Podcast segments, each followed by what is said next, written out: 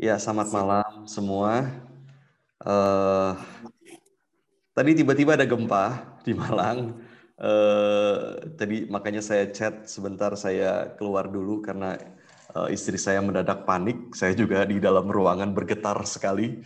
Uh, tapi saya nggak tahu sekarang keadaannya bagaimana. Cuma saya tadi bilang sama istri saya kalau mendadak bahaya lagi panggil saya langsung saya lari keluar gitu. Jadi tiba-tiba ya. kalau saya lari berarti kalian tahu ada, ada apa begitu ya. Ya, ya. apa beberapa waktu yang lalu sempat gempa besar di Malang itu uh, di perpustakaan di saya di saat Malang ini di perpustakaan itu di seberang rumah saya persis itu sempat ada uh, cat-catnya agak jatuh-jatuh juga tuh di atas uh, atap begitu. Jadi nggak tahu yang kali ini akan seperti apa. Oke, okay. semoga tidak gempa lagi.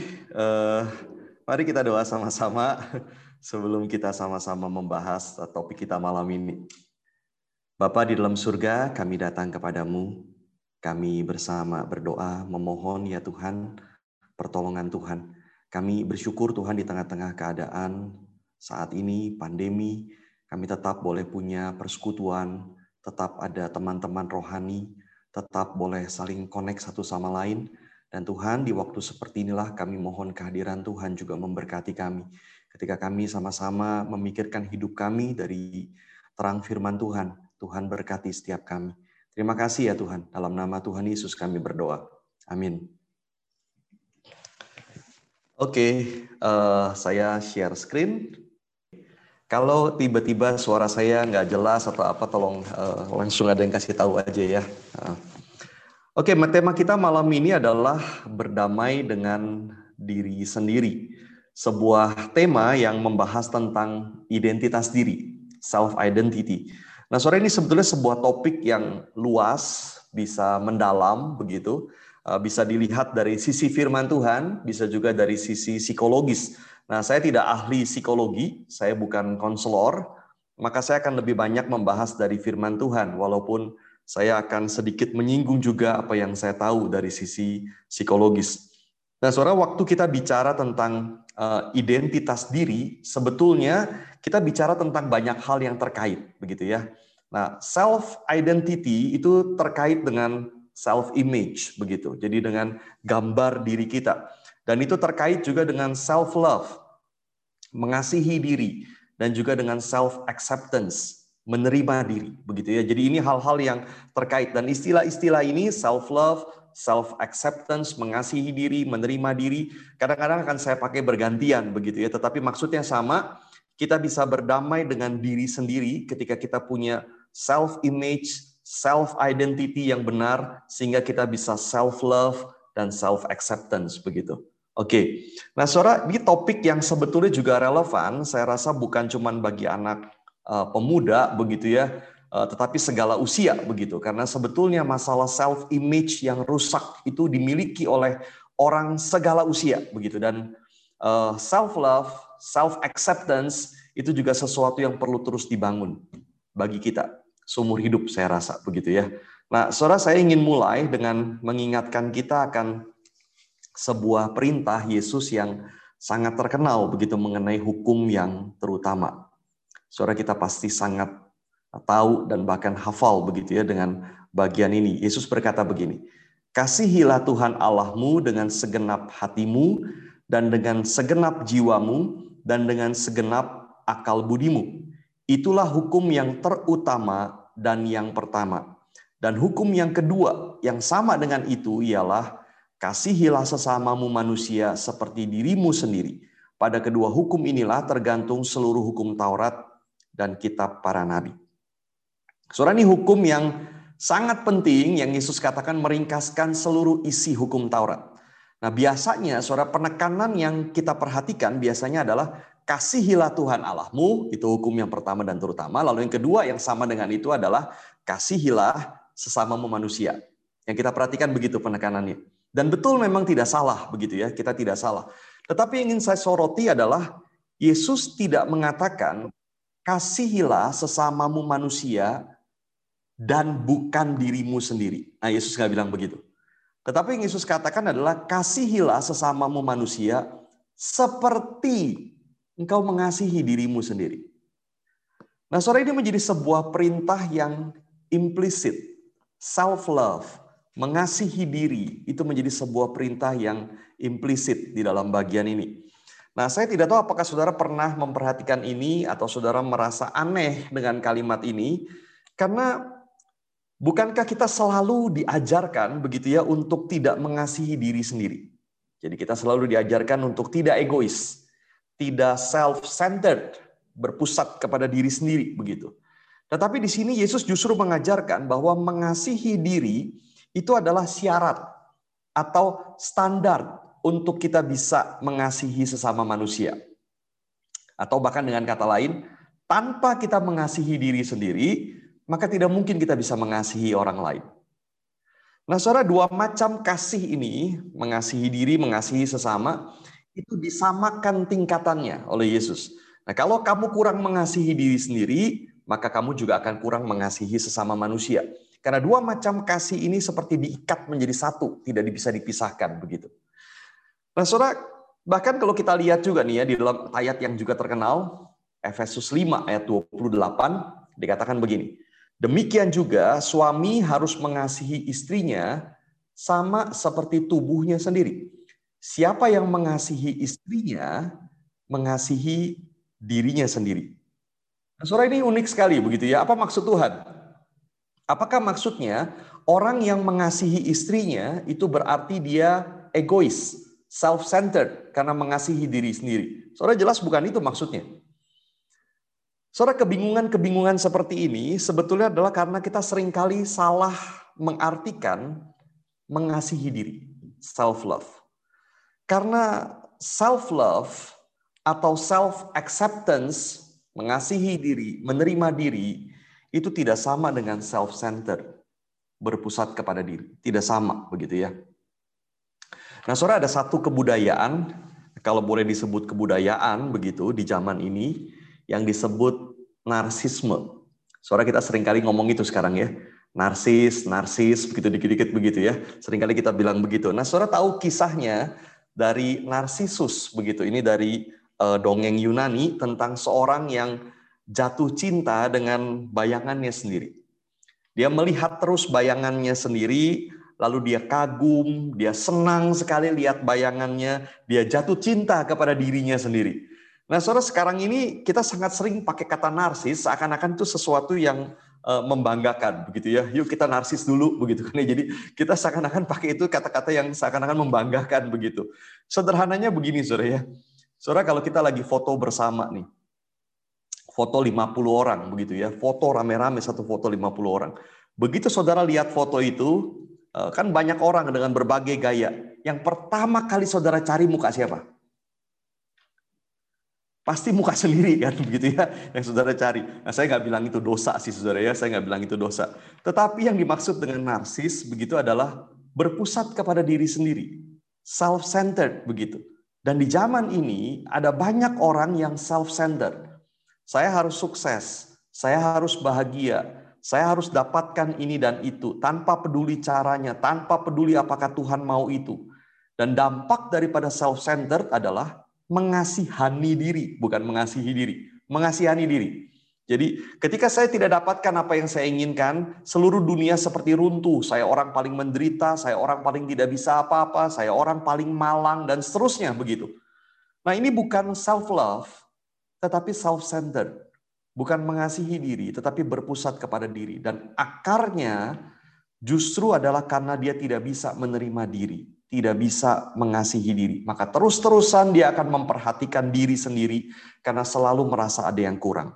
Dan itulah self-centered atau egois begitu. Nah, saudara perhatikan kalimat yang uh, sangat penting ini. Manusia tidak memiliki kemampuan mengasihi diri sendiri secara natural. Kemampuan itu diperoleh. Mereka yang tidak memperolehnya tidak akan bisa mengasihi orang lain dengan seharusnya. Saudara ini kalimat sangat uh, benar begitu ya. Manusia tidak punya sebetulnya kemampuan mengasihi diri sendiri secara natural. Itu bukan inborn. Kemampuan itu kita peroleh, acquire. Mereka yang tidak bisa memperolehnya tidak akan bisa mengasihi orang lain juga dengan seharusnya. Saudara jelas sangat penting untuk kita bisa punya self image yang benar. Siapa kita? Apa identitas kita? Lalu kita bisa menerima diri dan kita bisa mengasihi diri. Masalahnya, seperti yang dikatakan oleh penulis ini, kemampuan itu tidak kita dapatkan secara natural. Kita harus berusaha memperolehnya. Dan masalahnya juga tidak selalu mudah untuk memperoleh kemampuan itu. Karena ada banyak hal yang menyebabkan kita sulit sebetulnya untuk bisa mengasihi diri atau menerima diri. Nah, salah satu faktor terbesar yang menghalangi atau apa ya, membuat sulit bagi kita untuk bisa menerima diri dan mengasihi diri adalah faktor masa kecil kita, pengalaman masa kecil kita. Saudara pada waktu kecil, kita mungkin mulai mengalami berbagai perasaan yang tidak baik. Seperti misalnya begini ya, saya sebutin beberapa contoh aja. Saya tidak diinginkan. Begitu. Saya tidak ada gunanya. Saya tidak boleh menangis karena orang marah kalau saya menangis. Saya akan dihukum kalau saya tidak baik-baik. Mereka benci saya kalau saya tidak baik-baik. Saya benci diri sendiri karena saya tidak selalu baik. Saya tidak boleh tunjukkan perasaan saya karena orang marah mendengarnya. Dan seterusnya. Saudara perasaan-perasaan seperti ini merasa dibenci pada waktu kecil, merasa tidak dikasihi, merasa tidak diterima apa adanya, merasa tidak bisa menjadi diri sendiri, membuat banyak orang sulit mengasihi diri dengan baik. Padahal mungkin, saudara ya, mungkin orang tua mereka sama sekali tidak jahat. Bahkan mungkin berusaha menjadi orang tua yang baik dan mengasihi mereka, tetapi yang mereka tangkap adalah mereka tidak dikasihi. Intinya begitu. Kalau mereka menangkap bahwa mereka tidak dikasihi, maka muncul sesuatu yang sulit sekali membuat mereka bisa mengasihi diri. Nah, perasaan-perasaan seperti ini bukan hanya pada waktu masih kecil, tetapi pada waktu kemudian dewasa sering kali semakin dikonfirmasi.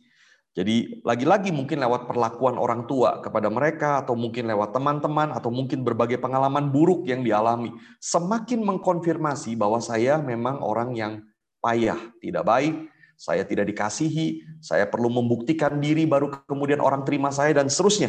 Pengalaman-pengalaman seperti itu. Nah, saudara pada dasarnya manusia itu membutuhkan apa yang disebut 3A begitu ya. Yang pertama adalah acceptance. Saudara, artinya kita merasa diterima di dalam sebuah keluarga atau sebuah kelompok. Kita perlu itu. Kebalikannya adalah penolakan. Ketika kita ditolak, kita merasa sebagai orang yang ditinggalkan, kita merasa tidak layak, ada yang salah dengan diri saya. Nah, banyak anak-anak sudah dengan berbagai alasan mengalami perasaan ini dan terbawa sampai ke dewasa. Dia merasa ditolak, tidak diterima. Padahal kita butuh penerimaan. Yang kedua, saudara setiap manusia itu butuh approval. Approval artinya adalah kita dianggap baik, kita dipuji oleh orang yang kita anggap penting. Nah, bagi anak-anak, orang yang dianggap penting adalah pasti orang tua atau mungkin teman-temannya. Nah, bagi orang dewasa ada tambahan yaitu dari lingkungannya, mungkin lingkungan kerjanya atau lingkungan gerejanya. Nah, dianggap baik, dipuji, di-approve, itu adalah sesuatu yang sangat penting bagi manusia. Kalau kita dari kecil tidak pernah mendapatkan approval, apa pun yang kita lakukan dianggap salah, kita bikin apa pun dibilang bodoh, bodoh, bodoh, terus bodoh begitu ya.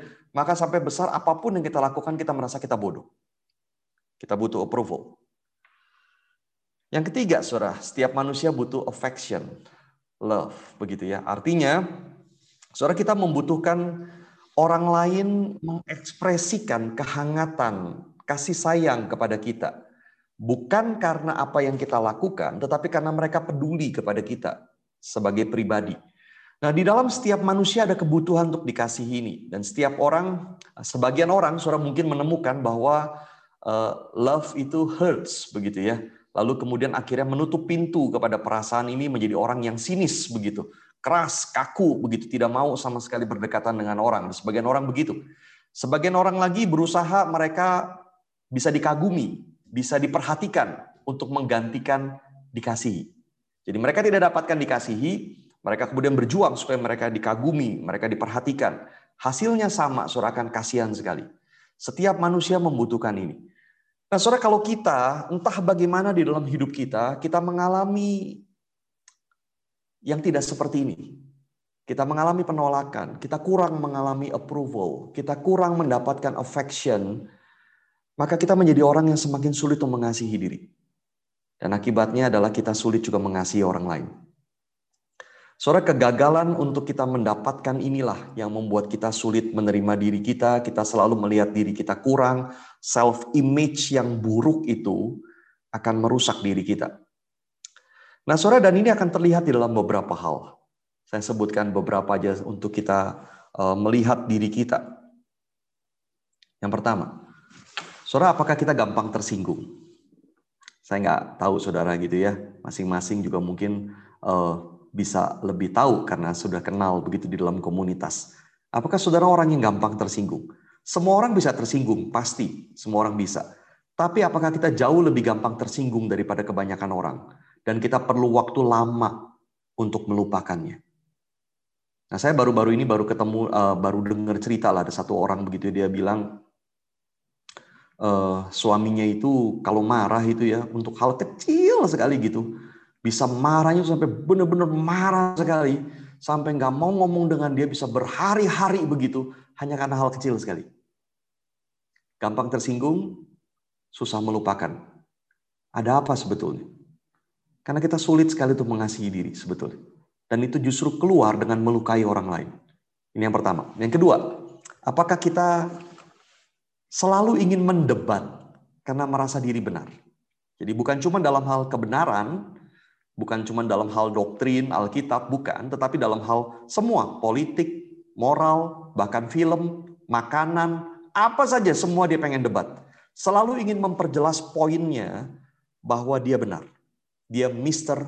Right Guy, begitu ya, selalu benar, begitu. Yang ketiga, apakah kita terlalu kritikal? Selalu bisa melihat salahnya orang. Apalagi mereka yang tidak setuju kepada kita. Kalau sampai ada orang yang berbuat sesuatu yang kita tidak suka, yang kita rasa merugikan kita, kita akan mati-matian hantam dia, tunjukkan kejelekan dia, betul-betul kita tunjukkan bahwa dia adalah salah begitu. Saudara, apakah kita orang seperti itu gitu ya? Kita perfeksionis, kita selalu bisa melihat kurangnya orang. Dan karena kita selalu ingin merasa benar, diterima, dipuji, maka ketika ada orang lain menentang kita, kita akan berusaha menyerang dia dengan tunjukkan kejelekan dia. Saudara ini bisa keluar di dalam dua bentuk sebetulnya. Orang yang kepribadiannya agresif akan marah, mencoba menghancurkan orang lain. Tetapi orang yang kepribadiannya pasif, sama kritikal juga, tetapi dia akan marah juga, tapi kemudian menghancurkan ke dalam. Dalam bentuk mungkin menjadi depresi. Lalu misalnya juga, apakah kita orang yang cemburu berlebihan? Soalnya cemburu itu cemburu itu karena perasaan posesif begitu ya, memiliki. Nah, itu wajar begitu. Tetapi jika berlebihan, mungkinkah karena ada sesuatu yang berharga yang dulu pernah kita miliki yang kemudian hilang dari kita dan kita tidak ingin mengalaminya lagi? Ada self image yang buruk dan membuat kita sulit menerima bahwa hidup kita aman. Bukan di dalam kontrol kita, tapi tetap aman. Lalu misalnya satu lagi, apakah kita juga sulit menerima kekalahan? Nah, suara biasanya ini akan terlihat ya. Uh, kalau orang lagi main game atau lagi dalam pertandingan itu biasanya terlihat uh, karakter kepribadian lebih terlihat begitu. Ada yang ngotot sekali, bahkan kadang agak keras begitu secara fisik begitu ya. Demi menang itu bisa sampai agak kasar begitu. Bahkan kalau perlu curang itu yang lebih parah lagi begitu. Padahal itu cuma game. Demikian pula di dalam argumen. Mereka tidak bisa terima kekalahan.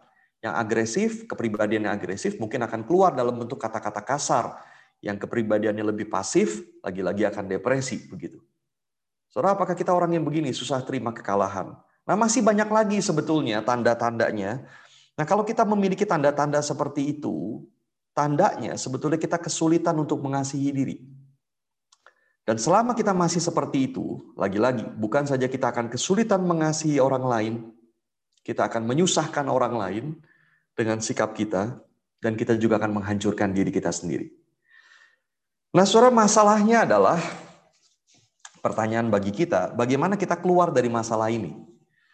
Kalau ini sudah membentuk hidup kita, apalagi kalau dari kecil, sudah menjadi pola karakter kita, sudah menjadi pola kepribadian kita, kita merasa kita kurang dikasihi, kita merasa ada self image yang buruk, ada sesuatu yang kurang dari saya, saya perlu membuktikan diri dan selalu itu keluar dalam bentuk berbagai hal yang tidak baik dari diri kita. Kalau kita sudah seperti itu, lalu bagaimana kita keluar dari masalah ini? Bagaimana kita bisa mengerti kembali identitas diri kita lalu berdamai dengan diri? Nah, saudara saya harus katakan begini. Saya tidak punya jawaban 100% yang pasti. Nah, saya percaya begini, saudara. Kesalahan utama itu ada pada konsep kita tentang siapa kita di hadapan Tuhan. Itu adalah masalah terutama karena kesalahan konsep kita tentang siapa kita di hadapan Tuhan.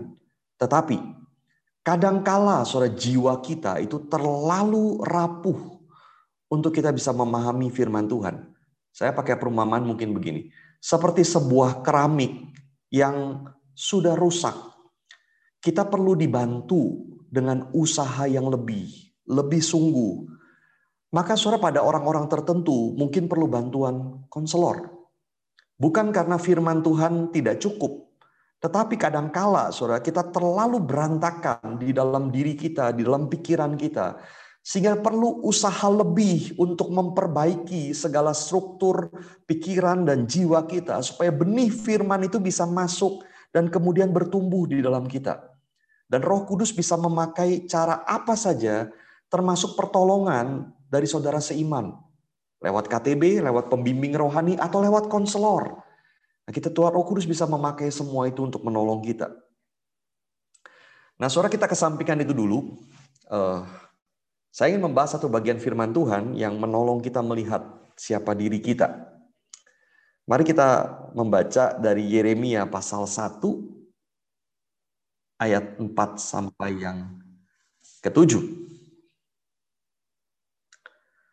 Saudara saya ingin membahas tentang bagaimana firman Tuhan menolong kita melihat konsep diri kita. Tetapi lagi-lagi seperti tadi saya katakan, setiap orang berbeda. Kadang-kadang ada dari antara kita yang sudah begitu dalam kerusakan self image dan kita membutuhkan pertolongan. Saudara kalau saudara mengalami itu, saudara jangan ragu untuk cari pertolongan, termasuk kepada konselor. Dan kemudian biarkan firman Tuhan mengubah saudara. Setelah saudara ditolong melihat diri dengan lebih baik. Oke, sekarang saya membahas firman Tuhan dulu. Yeremia 1 ayat 4 sampai 7 saya bacakan.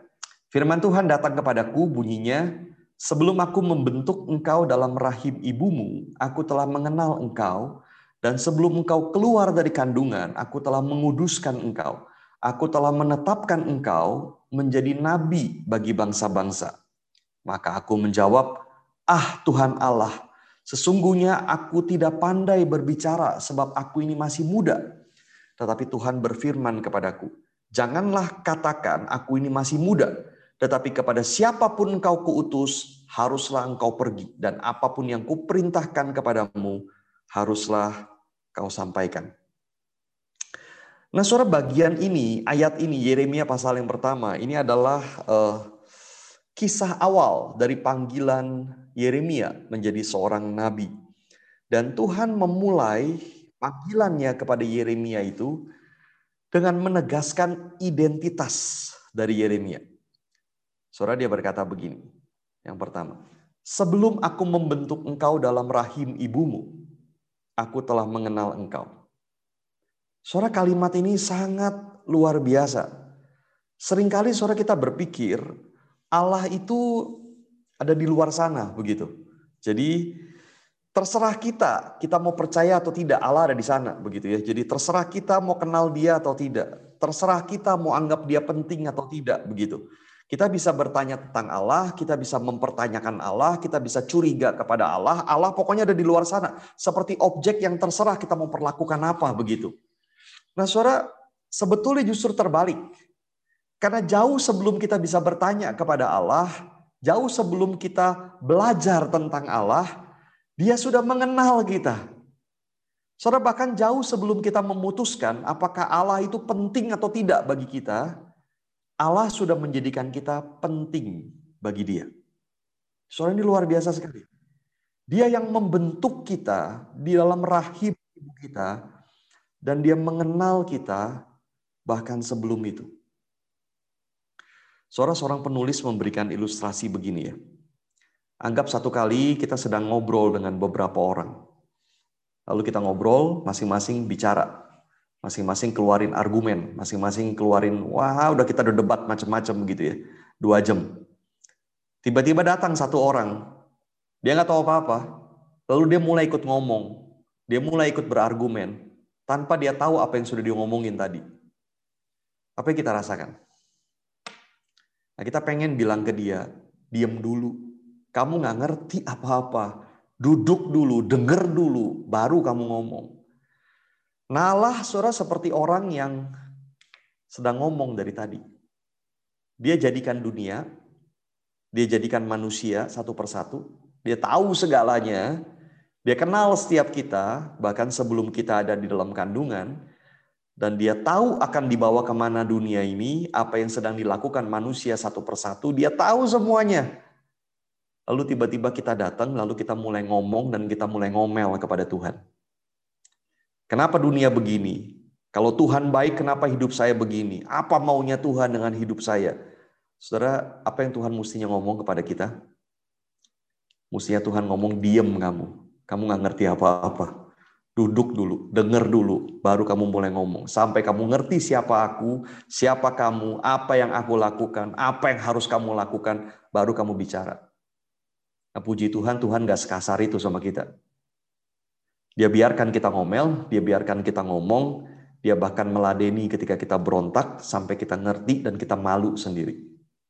Saudara Tuhan berkata, sebelum aku membentuk engkau dalam rahim ibumu, aku telah mengenal engkau. Aku telah memilih kamu.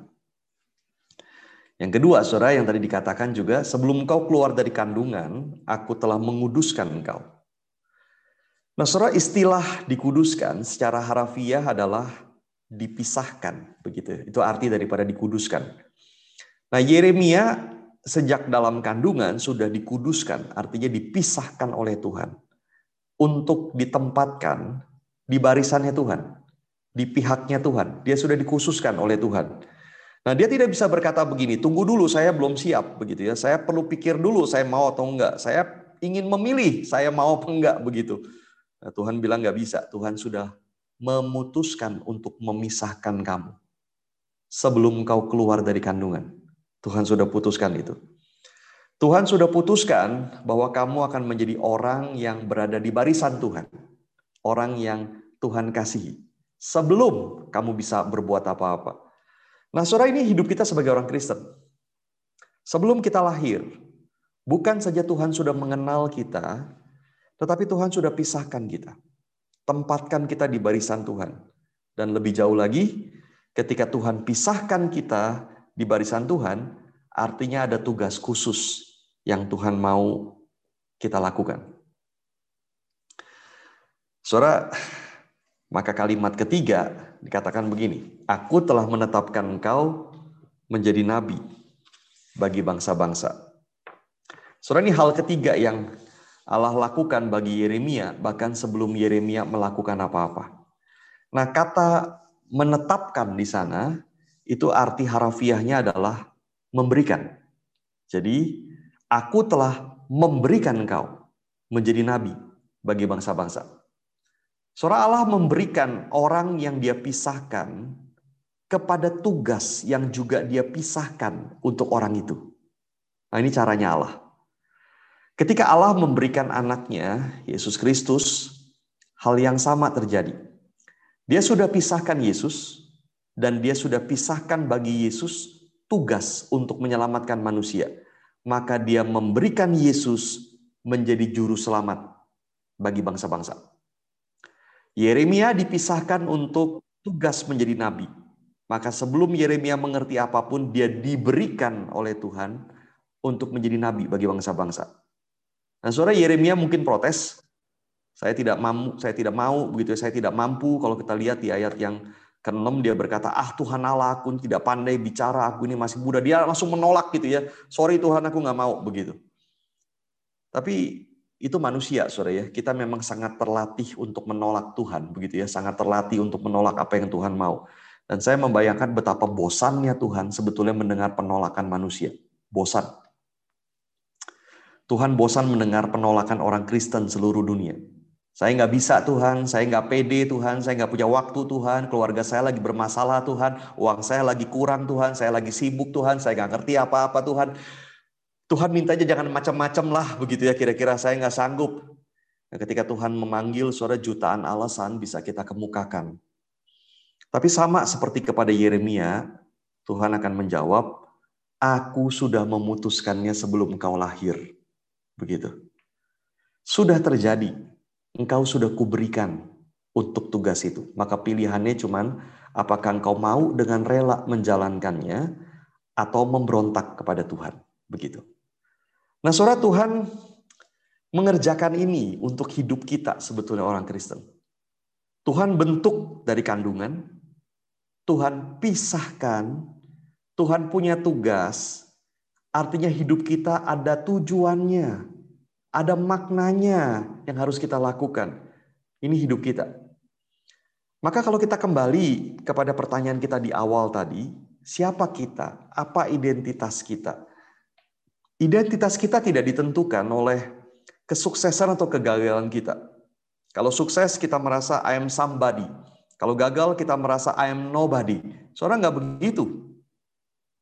Identitas kita tidak ditentukan oleh status ekonomi kita. Identitas kita tidak ditentukan oleh talenta yang kita miliki, begitu ya. Kita bisa ini, kita bisa itu, atau kita tidak bisa ini, kita tidak bisa itu. Saudara bukan itu, begitu. Identitas kita juga tidak ditentukan oleh penampilan fisik kita. Tidak ada satupun bagian di dalam Alkitab yang mengajarkan bahwa penampilan fisik itu akan menentukan siapa kita. Tidak, saudara. Dan ini sangat penting, identitas kita juga tidak ditentukan oleh bagaimana perlakuan orang kepada kita. Orang injek-injek kita, orang angkat kita tinggi, tidak ada hubungan dengan siapa kita sebetulnya, dengan identitas kita identitas kita jauh lebih dalam daripada itu. Maka suara salah sekali kalau kita meletakkan diri kita, self image kita kepada apa yang orang lakukan kepada kita. Kalau orang puji kita, kita rasa kita hebat. Kalau orang hina kita, kita rasa kita hancur. Padahal dipuji atau dihina tidak menentukan siapa kita. Karena identitas kita ada di dalam Tuhan. Bagaimana Tuhan melihat kita? Siapa saya di hadapan Tuhan? Itu identitas kita. Maka saya akan simpulkan seperti jawaban Tuhan kepada Yeremia di dalam bagian ini. Ini yang pertama tadi kan, sebelum aku membentuk kau dalam rahim ibumu, aku telah mengenal engkau. Siapa kita? Saudara kita dibentuk oleh Tuhan sendiri. Kita manusia yang dibentuk oleh Tuhan sendiri, dikenal oleh Tuhan dari dalam kandungan, bahkan dari sebelum itu. Betapa ajaibnya itu.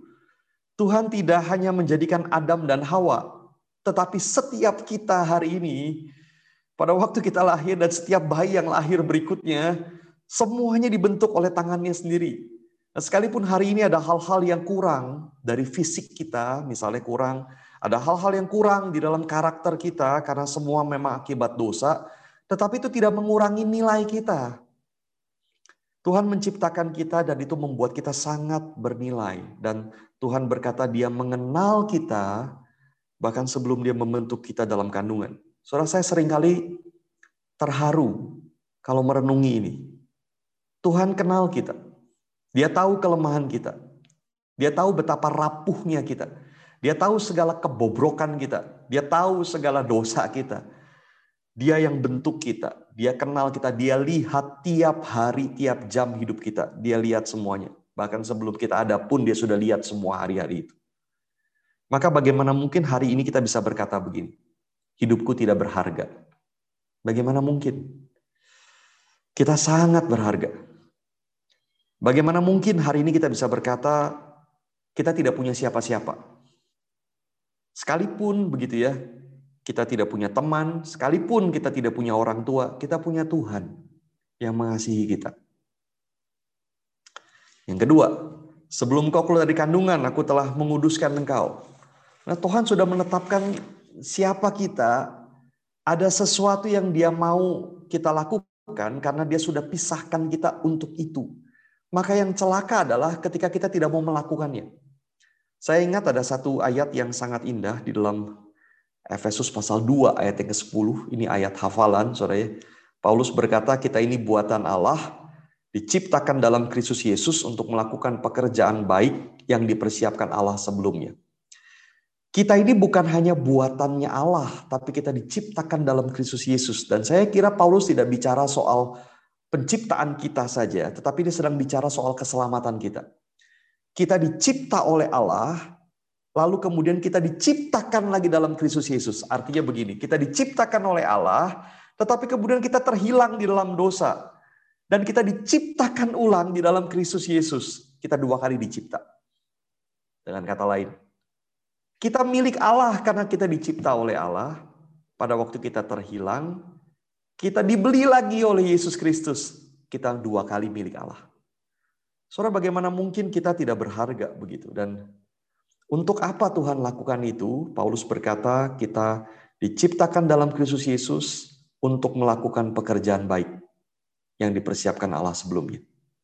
Ada pekerjaan baik, good works yang Allah mau kita lakukan. Dan untuk itulah dia mencipta kita dan mencipta ulang kita.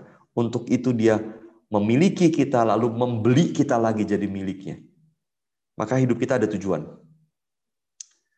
Dan yang ketiga, saudara, aku telah menetapkan kau menjadi nabi bagi bangsa-bangsa. Bagi Yeremia, dia ditetapkan atau diberikan menjadi nabi bagi bangsa-bangsa.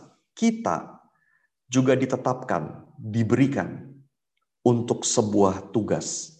Setiap kita ada tempatnya, ada tujuannya, dan kita perlu menghidupi itu. Panggilan Allah untuk kita. Kita bukan kesuksesan atau kegagalan kita, bukan kekayaan atau kemiskinan kita, bukan kehebatan atau kebodohan kita. Identitas kita bukan semua itu. Bahkan apa yang orang katakan tentang kita, baik yang menyakitkan maupun yang menyanjung kita itu tidak menentukan siapa kita. Apa yang orang lakukan kepada kita hari ini mengangkat kita tinggi atau menginjak kita juga tidak menentukan siapa kita. Identitas kita di dalam Tuhan. Dia yang bentuk kita dari dalam kandungan, dia mengenal kita, dia pisahkan kita untuk berada di barisannya, dan dia mau kita mengerjakan panggilannya. Nah, saudara sekarang pertanyaan bagi kita begini. Mengapa kita membiarkan kita punya self image yang salah.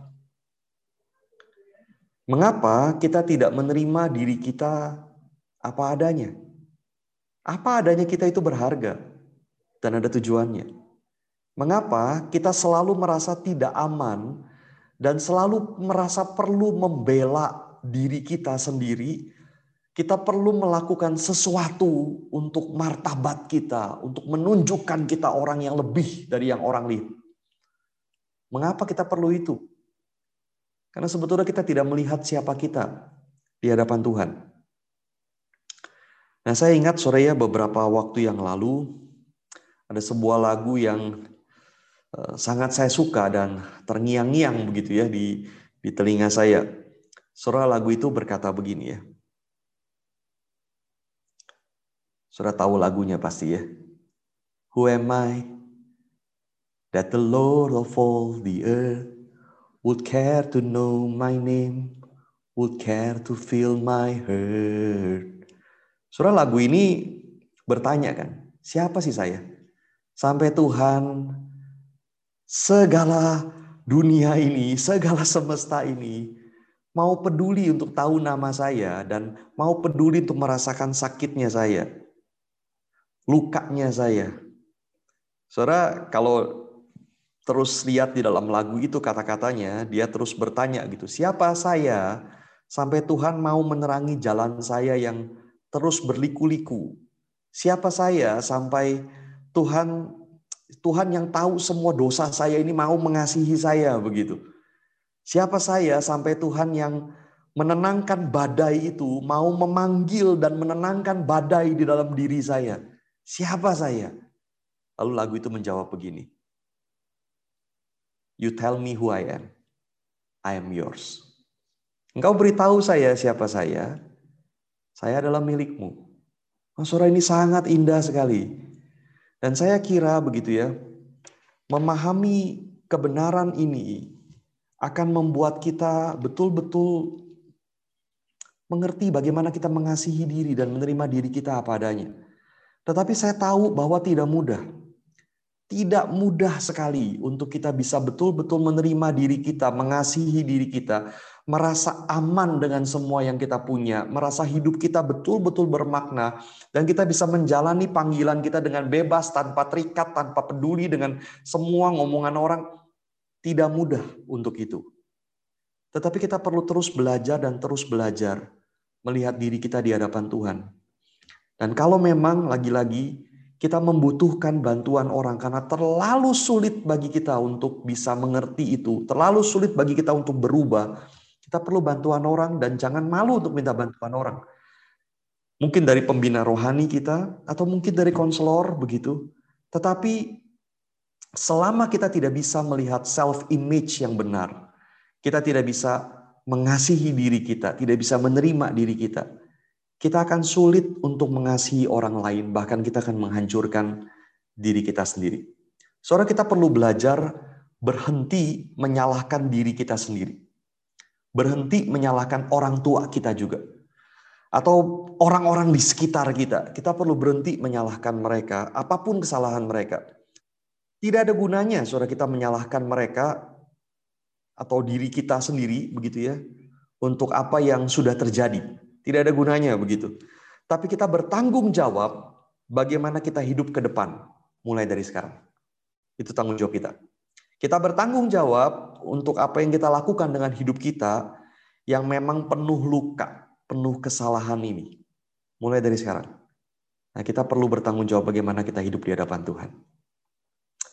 Oke, saudara sekian yang saya sampaikan.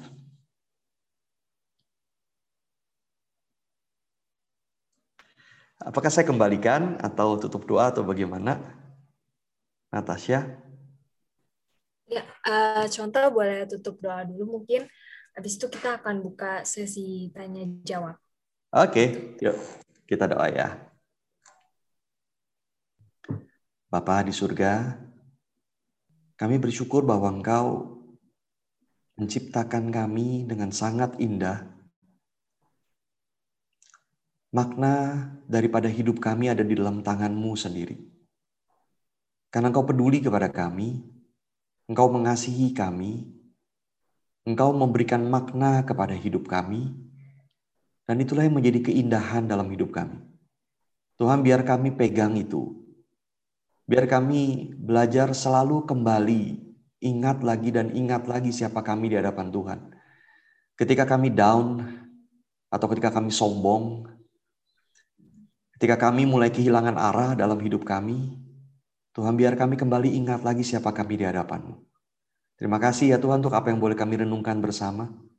Di dalam nama Tuhan Yesus kami berdoa. Amin. Ya, terima kasih Musa untuk uh, pemberitaan firman-Nya.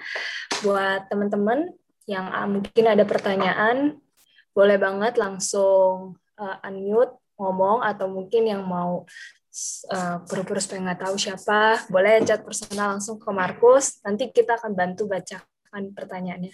Atau nanti dijawab oleh Musa. Atau Dari Markus sudah ada. Iya. Nanti ditanya ke Lausa Kori juga nggak apa-apa. Itu. Banyak ya bakarnya. Boleh, boleh. Uh, dari Markus, uh, udah ada yang masuk belum? Belum, belum. Pertanyaan. Belum. Teman-teman ada yang mau langsung bertanya mungkin. Silakan. Kalau nggak ada pertanyaan nggak apa-apa. Kalian bisa langsung kumpul dan doa bersama dalam kelompok. Oh ada nih iya. oh ada ternyata musuh sebentar ya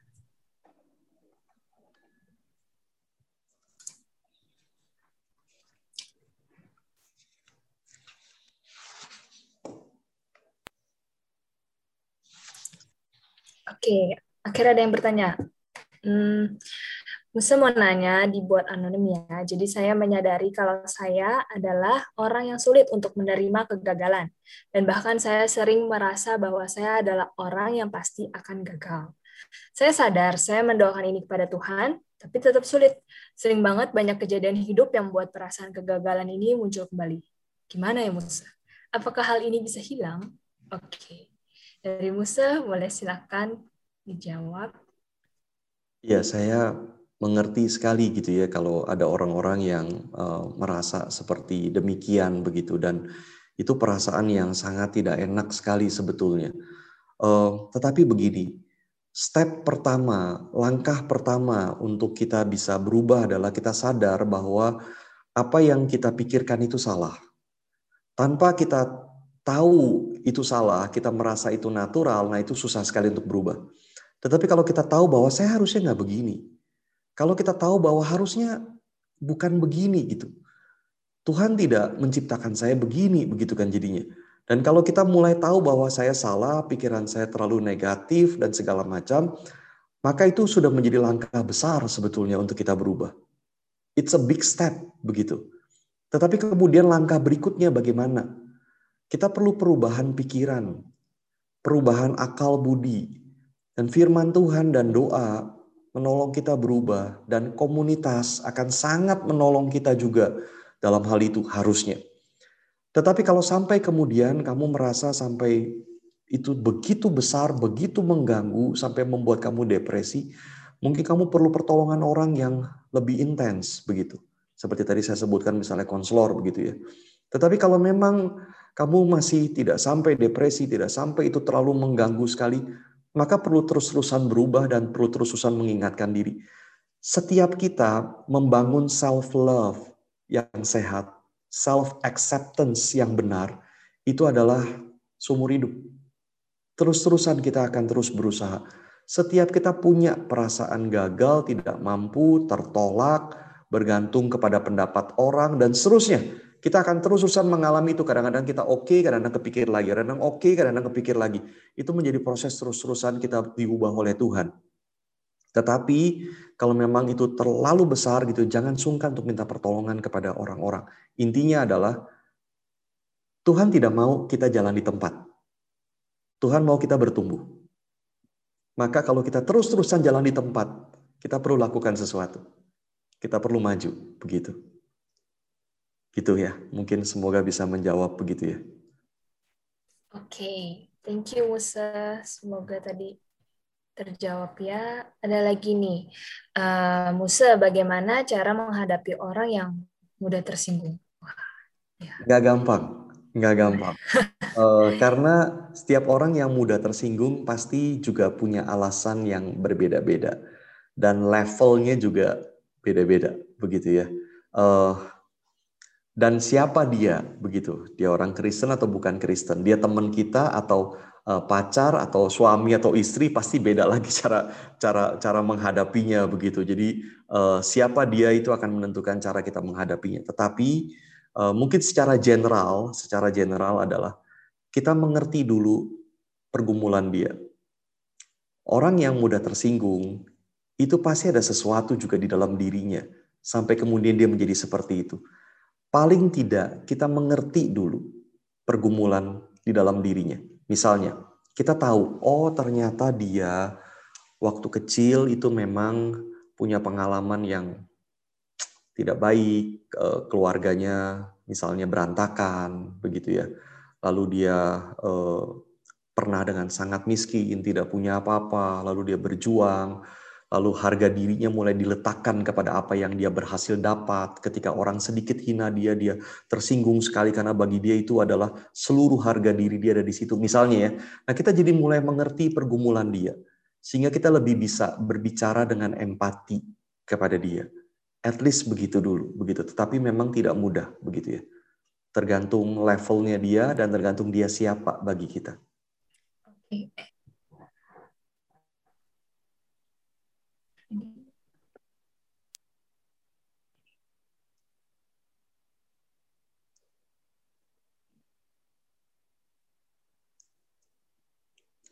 Iya, uh, cara teknis yang bisa kita lakukan untuk lebih aware mengenai masalah self acceptance ini, itu kan bagi kita sih kita perlu terus aware. Nah sekarang kalau ini pertanyaan berikutnya, kalau ada orang yang nggak sadar dia gampang tersinggung begitu ya, uh, lagi-lagi sulit, lagi-lagi sulit begini. Um, orang yang gampang tersinggung begitu ya, kita perlu memang begini. Sebenarnya ini berlaku buat semua masalah. Ketika kita mau menegur orang, kita perlu ada timing yang tepat. Kemudian kita perlu ada relasi yang tepat dengan dia. Kita nggak mungkin dengan stranger yang kita nggak kenal, kita lihat dia tersinggung, tiba-tiba eh kita datengin dia, eh lu orangnya gampang tersinggung, ya tambah tersinggung dia, begitu kan? Jadi nggak nggak nggak akan mungkin begitu. Jadi kita perlu ada relasi dengan dia. Dan kalau memang kita bisa berhasil membangun relasi yang baik dengan dia, cari timing yang tepat untuk bicara bahwa dia orangnya gampang tersinggung menurut kita. Dan kenapa begitu? Kemudian berdoa dengan dia jadi sahabat rohani dengan dia. Itu idealnya. Tetapi saya tahu keadaan tidak selalu ideal. Lagi-lagi tergantung dia siapa begitu ya, dan apakah kita punya relasi dengan dia. Kita tidak bisa mengubah setiap orang yang kita tahu gampang tersinggung. Tetapi orang-orang yang dekat dengan kita, kalau kita tahu latar belakangnya apalagi kenapa dia gampang tersinggung, kita perlu cari waktu memang untuk bicara gitu ya. Tapi kita perlu punya relasi dulu. Temen, punya timing yang waktu yang tepat untuk bisa ngomong dengan dia. Oke. Okay. Oke. Okay. Ada. Wah. Banyak nih pertanyaannya. Oke, selanjutnya. Eh, banyak orang yang nggak aware bahwa dia misal sedang mengasihani dirinya jadi ada tips teknik gas, eh, jadi ada tips teknik gamus. Mungkin tips untuk tahu aware kalau dia tuh sebenarnya lagi masih dirinya atau enggak gitu.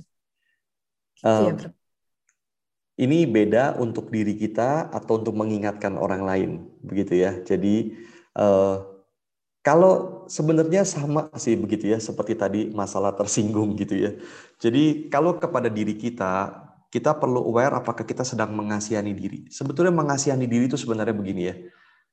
Kita merasa masalah kita jauh lebih berat daripada yang sebenarnya. Nah, itu mengasihani diri. Kita merasa masalah kita itu kayak nggak habis-habis begitu dan nggak pernah ada jalan keluarnya. Nah itu juga nggak mungkin gitu gitu ya. Lalu kita merasa nggak ada yang peduli kepada kita, padahal Tuhan peduli kepada kita. Nah, itu mengasihani diri. Contoh-contoh di dalam Alkitab ada beberapa yang seperti itu. Misalnya nih yang paling uh, terkenal misalnya Elia. Elia merasa dia satu-satunya yang setia sama Tuhan. Semua tidak setia, semua sudah hancur, semua sudah meninggalkan Tuhan. Udah gak ada harapan. Sampai Tuhan bilang, ya ampun ada tujuh ribu orang masih begitu ya. Jadi nah itu mengasihani diri. Atau misalnya di dalam Mazmur gitu, Tuhan berapa lama lagi Berapa lama lagi engkau memalingkan mukamu daripadaku? Berapa lama lagi aku menderita seperti dan seterusnya begitu ya. Jadi berapa lama lagi engkau tidak peduli kepada gua? Tuhan mana pernah nggak peduli padahal. Nah itu mengasihani diri. Ya, kita perlu selalu aware ketika kita mulai muncul perasaan-perasaan seperti itu. Nah bagaimana cara kita mengingatkan orang? Lagi-lagi siapa orang itu begitu ya. Kalau kita memang baik dengan dia, apalagi teman rohani, apalagi kita pernah diskusi soal mengasihani diri begini, akan lebih gampang. Kita tinggal ngomong sama dia. Kamu kalau kayak gitu kan jadi mengasihani diri, begitu. Apa betul begitu? Nah, kita akan gampang ingetin dia. Karena sebetulnya setiap kita punya kecenderungan itu. Di dalam masalah, kita cenderung melihat masalah kita jauh lebih berat daripada yang sebenarnya. Dan seakan-akan di antara semua orang, saya yang paling berat penderitaannya itu mengasihani diri. gitu.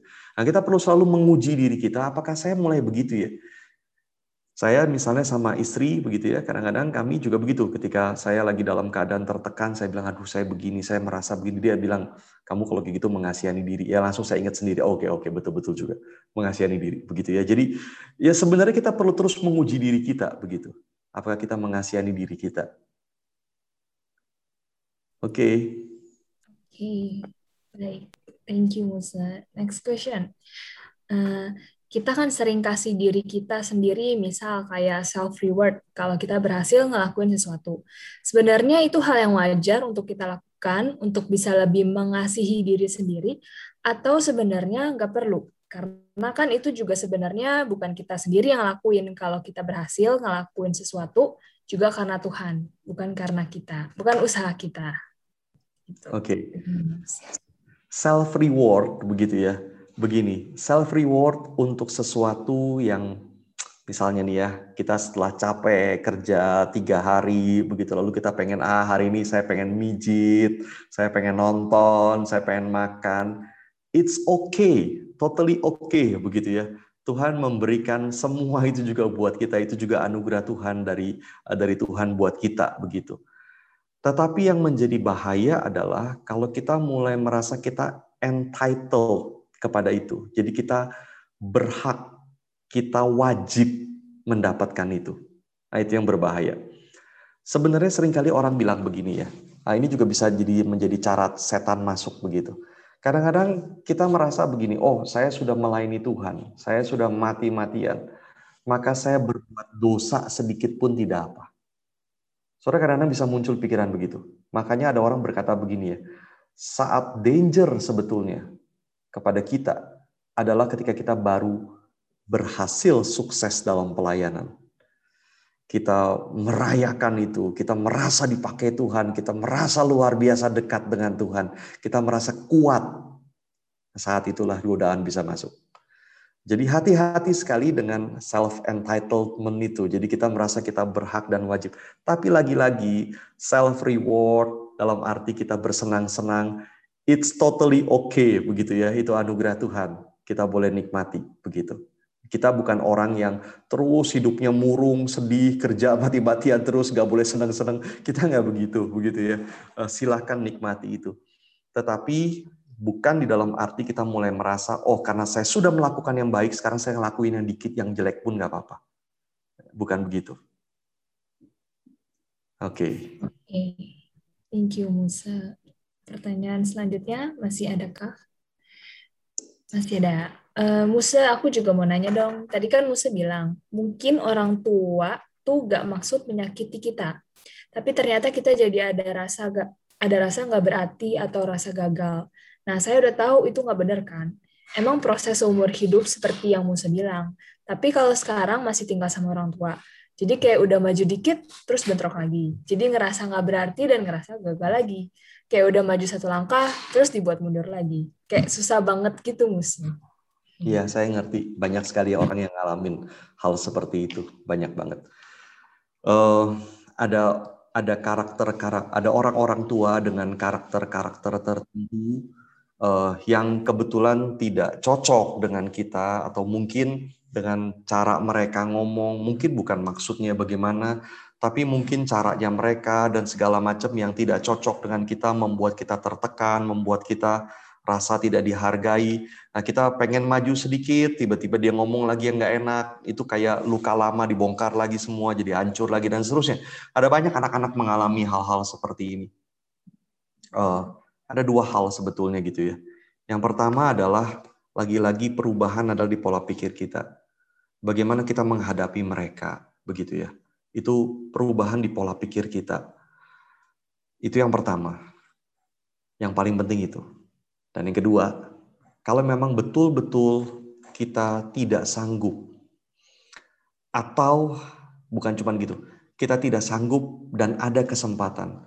Saya kadang-kadang menganjurkan, tergantung kasusnya gitu ya. Kalau sangat berat sekali, betul-betul dia tidak sanggup dan ada kesempatan, kadang-kadang saya menganjurkan coba pindah kota.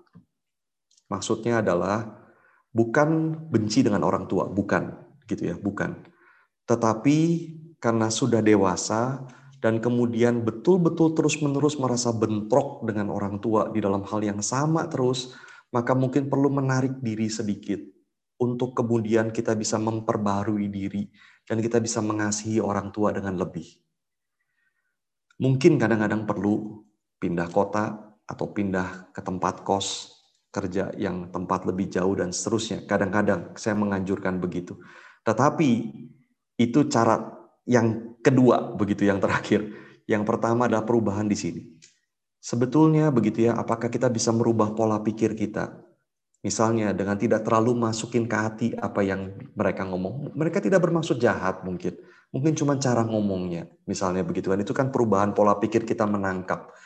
Makanya banyak sekali tadi saya sebutkan juga anak-anak yang merasa saya tidak dikasihi, saya ditolak, saya apa segala macam. Karena bukan orang tuanya bermaksud begitu. Orang tuanya mengasihi dia.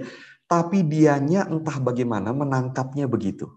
Dan itu kemudian menjadi sesuatu yang menghancurkan dia. Manusia itu kompleks memang. Sangat kompleks. Dan saudara kalau jadi orang tua juga akan tahu susahnya minta ampun makanya. Sulit sekali bagaimanapun mau sempurna mendidik anak, pasti ada kekurangan, lalu anaknya nangkepnya lain. Begitu, itu akan selalu begitu. Maka hubungan manusia kompleks sekali. Nah, kalau kita sudah dewasa, kita bisa merubah pola pikir kita dan lebih menerima dan mengasihi mereka, tidak memasukkan ke hati hal-hal yang memang tidak perlu gitu ya. Tetapi kalau memang betul-betul kita tidak sanggup dan ada kesempatan, mungkin kita perlu menjauh sebentar, begitu. Oke. Okay. Thank you, Ini saya boleh, boleh nanya bentar nggak? Iya. Oh iya, boleh silakan. Oke, okay, ini ini mungkin nggak nggak di topik hari ini tapi relevan juga ya. Mm. Nah, kalau misalnya seumpama nih kita lagi berdoa, terus tiba-tiba ada gempa, kita harus terus berdoa atau kita langsung lari keluar? Ini masuk ada kaitannya. Kalau saya sih lari keluar. Bagi tengah doa.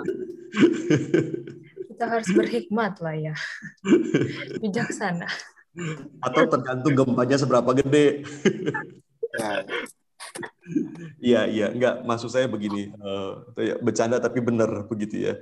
Jadi tentu bukan berarti kita lagi berdoa begitu lalu apa pun yang terjadi ketika kita lagi berdoa tiba-tiba kita lihat ada orang lagi mengayunkan pisau kepada kita kita diam biarin diri kita ditusuk. Ya kan nggak begitu begitu kan?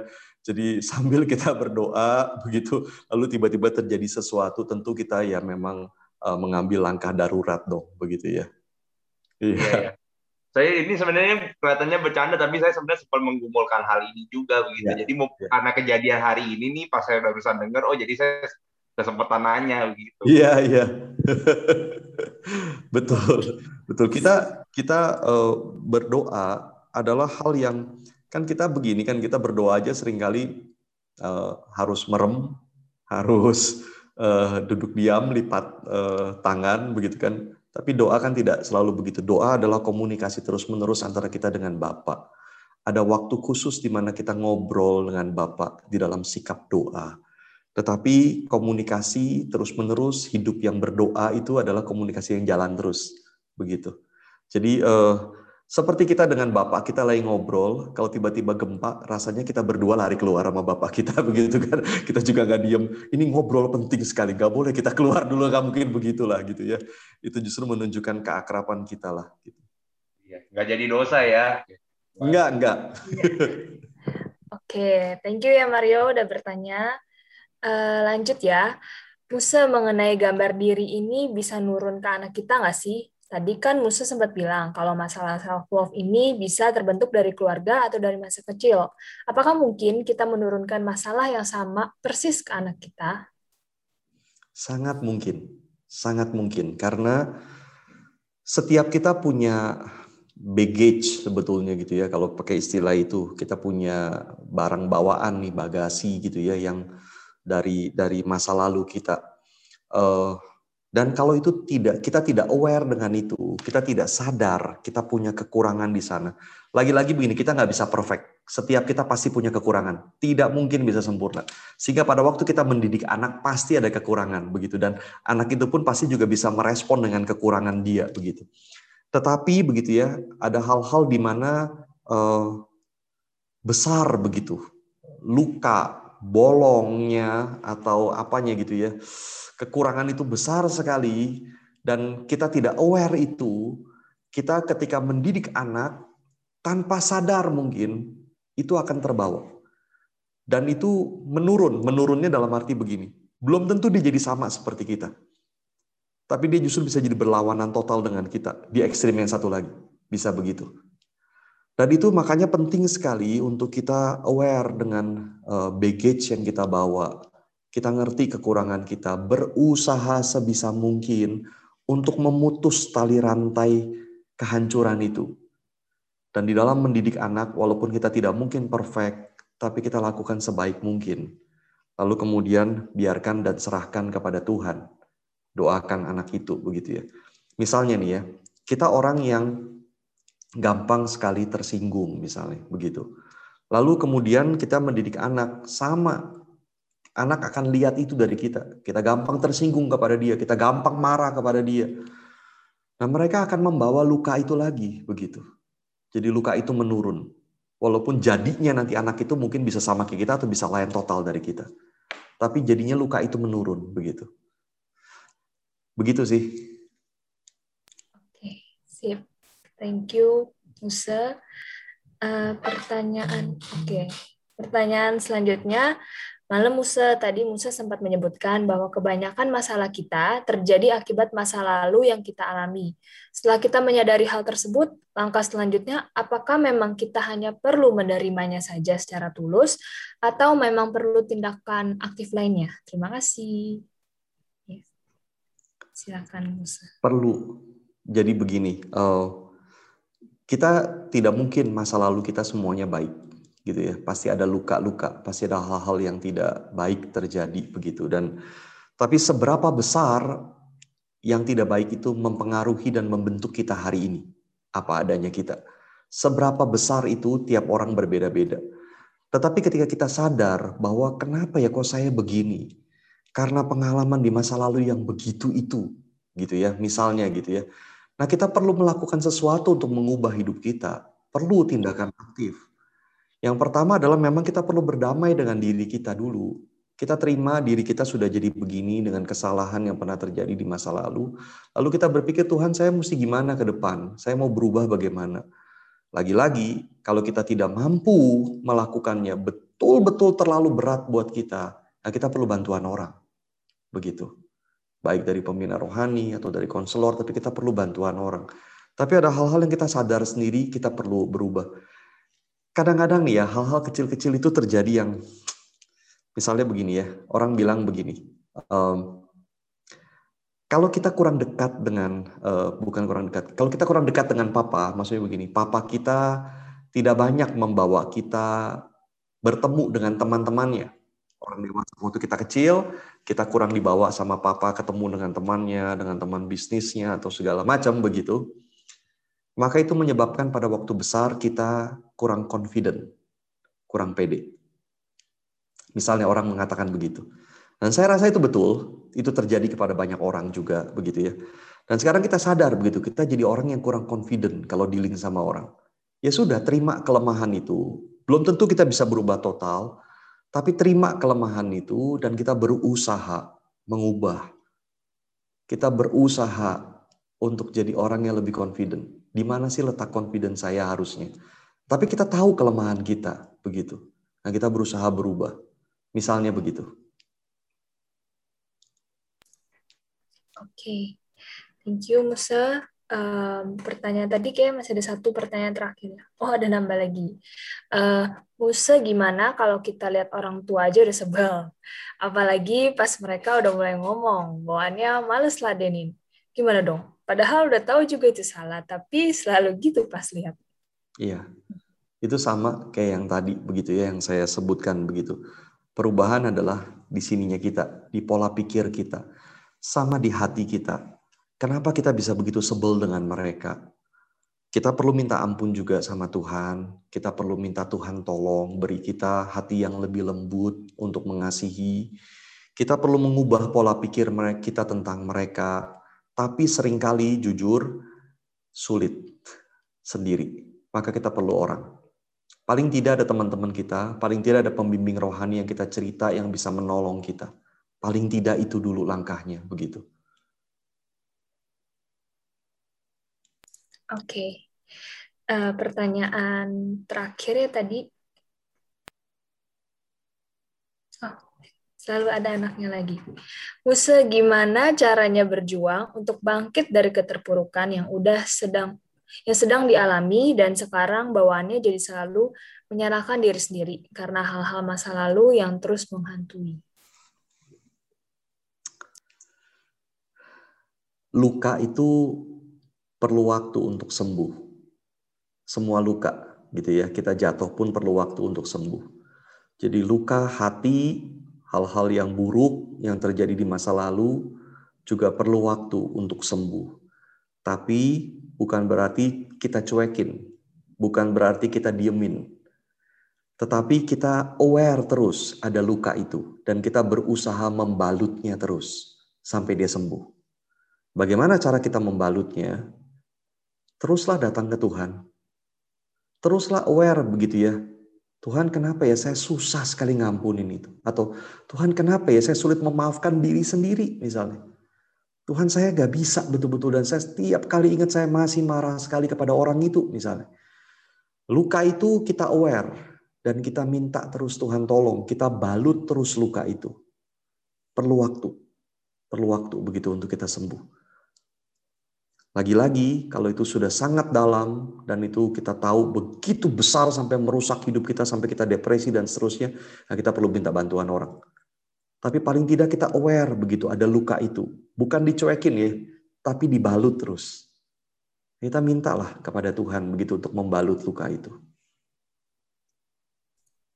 Oke. Thank you, Musa. Nah, ya, ini yang terakhir mungkin ya. Uh, atau mungkin kalau ada yang mau lagi nanti bisa tulis nggak apa-apa. Musa teman saya ada yang aware mengenai gambar dirinya yang ada masalah tapi dia jadi sering menjadikan masalah gambar dirinya sebagai excuse agar kita memaklumi tindakan dia. Tapi Sims gak ada perbaikan Musa. Itu benar gak sih Musa? Atau kita bisa negur dia? Bisa, bisa banget gitu ya. Jadi uh, ketika kita aware dengan uh, masalah kita, itu bukan excuse untuk kemudian kita bisa terus melakukan yang salah. Misalnya gini ya, um, saya ini dulu miskin begitu. Maka saya kan berjuang gitu kan untuk saya bisa dapatkan ini. Makanya harga diri saya di sana. Makanya saya kalau berani orang ngomong itu saya tersinggung di situ. Jadi kamu jangan pernah berani-berani sama saya begitu ya gitu kan. Itu namanya excuse begitu. Nggak bisa begitu. Kita tahu masalahnya. Kita tahu kenapa kita merasa begitu. Nah kita perlu berubah. Nah kalau ada orang yang kemudian memanfaatkan itu, jadi dia bilang, kamu kan tahu saya begini, makanya saya begitu. Ya nggak bisa begitu dong gitu ya. Jadi kita perlu tegur dia betul begitu. Kamu perlu berubah begitu. Nggak bisa kemudian dengan excuse terus-terusan. Kita berempati kepada dia, tetapi kita tidak bisa memaklumi terus-terusan. Saudara ini hal yang uh, beda begitu ya. Jadi misalnya begini, kita bisa mengerti kenapa dia sampai jadi begitu. Nah kita mengerti. Tapi bukan berarti memaklumi terus-terusan dia begitu. Itu beda gitu ya. Dia harus berubah begitu. Kita nggak mungkin terus-terusan dekat dengan orang yang toksik misalnya begitu. Kita juga hancur lama-lama. Oke deh. Jadi sebenarnya nggak apa-apa untuk boleh tuh di remind temannya.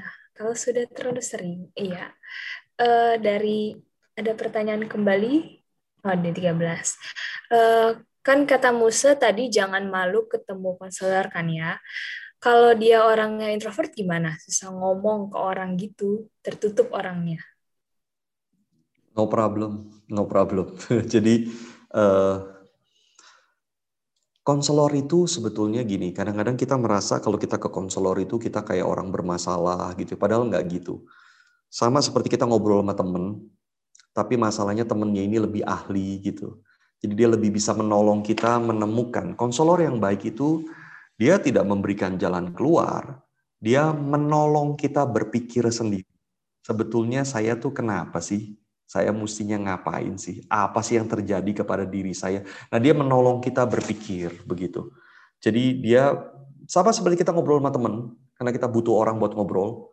Kita ngobrol dengan konselor begitu dan konselor bisa menolong kita. Sekalipun kita introvert, kita orang yang nggak bisa cerita, konselor yang baik bisa membuat kita nyaman untuk ngobrol dengan apa yang sebisanya kita lah. Start dari mana yang kita bisa. Kalau memang kita butuh pertolongan, carilah pertolongan. Begitu. Jangan kita kemudian diem terus begitu ya, dan kemudian makin lama kita makin hancur. Iya, benar. Tenang aja, saya introvert, saya juga ke konselor kok ada contohnya. Nah. Ya, benar. Malah itu keahlian para psikolog, konselor gitulah orang-orang introvert pasti bisa digali. Itu udah keahlian mereka. Oke, okay. uh, eh, jadi udah habis ya, Kus, pertanyaan via chatnya? Udah, udah. Oh, udah habis. Oke. Okay. Terakhir nih, teman-teman. Masih ada yang mau nanya lagi nggak? Terakhir, pertanyaan terakhir. Ya, satu, dua, tiga. Udah, nanggepin aja, nanggepin, nanggepin aja. Iya, oke. Okay. Ya. Udah ya, berarti... Kenapa, Mario? Oh, maksud tadi saya masih mau kasih tanggapan bentar yang tadi. Oh iya. Bentar. Ya sebenarnya yang tadi itu saya makasih banget ya Musa udah kasih penjelasan bahwa berkat juga begitu. Cuman yang mungkin harus disadari yang tadi dibawakan itu diterapinya itu agak susah ya mengenai identitas di dunia ini bagaimana karena ada kecenderungan kayak di dunia kita memandang orang oh orang ini berhasil ini ini terus jadi kita kayak menganggap orang itu lebih gitu dibandingin yeah. yang lain gitu itu yeah. jadi kayaknya kita harus perlu hidupnya sehari-hari perlu pertolongan Tuhan gitu betul itu kuncinya lah ya pokoknya kita perlu kalau dirangkum semua jawaban tadi pokoknya harus kembali lagi ke Tuhan gitu oke okay. thank you Mario tanggapannya dan Terima kasih Muse. Akhirnya tadi yang dikira ada pertanyaan menjawab 14 pertanyaan pada hari ini. Terima kasih sudah memberikan waktunya. Oh ya, Musa mungkin terakhir nih kata uh, ada summary gak atau highlight yang mau disampaikan kita atas pembinaan hari ini mungkin yang mau disampaikan dulu. Rasanya udah uh, highlight semua summary oh, udah, ya. sudah okay, semua. Iya. iya. Tapi betul yang tadi uh, Mario ya ngomong ya bahwa memang uh, tidak gampang itu betul. Uh, setiap kita maka saya bilang dalam proses terus-menerus uh, bertobat dan belajar mengasihi diri, menerima diri itu akan terus-terusan. Sebetulnya waktu kita melihat orang yang berhasil, orang yang kaya, orang yang lebih kita anggap wow begitu kan ya. Itu pun ada sesuatu yang salah di dalam diri kita begitu ya. Kita tidak apa mengagumi orang. Boleh banget mengagumi orang tetapi ketika kita mulai meletakkan nilai orang itu di situ, sementara yang nggak punya kita nilai lebih rendah, nah itu berarti kita mulai tahu berhala kita ada di mana, begitu kan? Dan ini saya rasa memang sesuatu yang seumur hidup lah kita perlu terus belajar, begitu ya? Seumur hidup dalam perjalanan kita mengikut Tuhan. Ya, benar banget. Oke. Okay. Oke, okay, thank you ya Musa. Sama-sama, uh, thank you semua. Ya, mungkin uh, contoh Yudin boleh bantu kita pimpin dalam doa penutup untuk pembinaan hari ini. Ya, baik. Ya, terima kasih sekali lagi buat uh, Muse Jeffrey yang sudah membawakan materi pada malam hari ini sungguh memberkati pemuda-pemuda di GKBJ Samanhudi. Kiranya Tuhan terus uh, memberkati uh, Muse Jeffrey dalam pelayanan. Muse Jeffrey minta maaf sekarang uh, pelayanan di saat Malang. Iya, saya jadi oh, ya, dosen ya, di saat Malang. Ya, ya, ya puji Tuhan ya. Jadi teman-teman kita tutup dalam doa kita sekalian juga doain Musi Jeffrey dalam pelayanan di saat malam Tuhan Tuhan pakai dalam anugerah Tuhan untuk melayani uh, jadi dosen di sananya. Kita tundukkan kepala kita berdoa.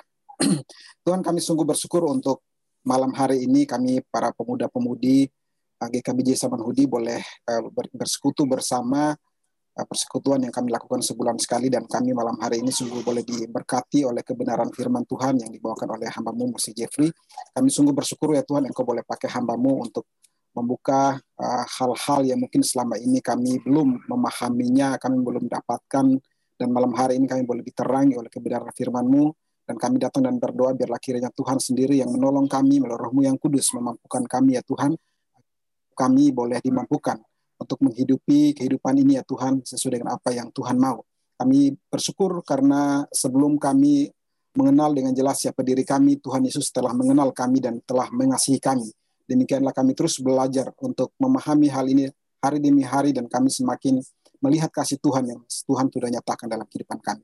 Kami sungguh bersyukur ya Tuhan dan kami berdoa secara khusus kami sihati para pemuda-pemudi malam hari ini berdoa menyerahkan untuk Musi Jeffrey yang sudah membawakan materi kami berdoa dalam pelayanannya sebagai dosen di STT Saat Malang. Biarlah Tuhan yang kau yang memakai hambamu di sana engkau yang memberkati berikan hikmah dan pengetahuan di dalam ya mengajar dalam mempersiapkan segala sesuatu dalam setiap pelayanan yang Tuhan percayakan. Biarlah kuasa Tuhan engkau yang terus bekerja. Terpujilah Tuhan kami juga berdoa bersyukur untuk Miming yang sudah memimpin uh, persekutuan pada malam hari ini. Biarlah Tuhan juga terus memberkati di dalam uh, pelayanan yang ada ini doa kami ya Tuhan, kami serahkan waktu kami setelah ini ke dalam tangan pengasihan-Mu. Kami percaya Tuhan terus hadir dan selalu membantu kehidupan kami. Dalam nama Tuhan Yesus kami sudah berdoa. Amin. Amin.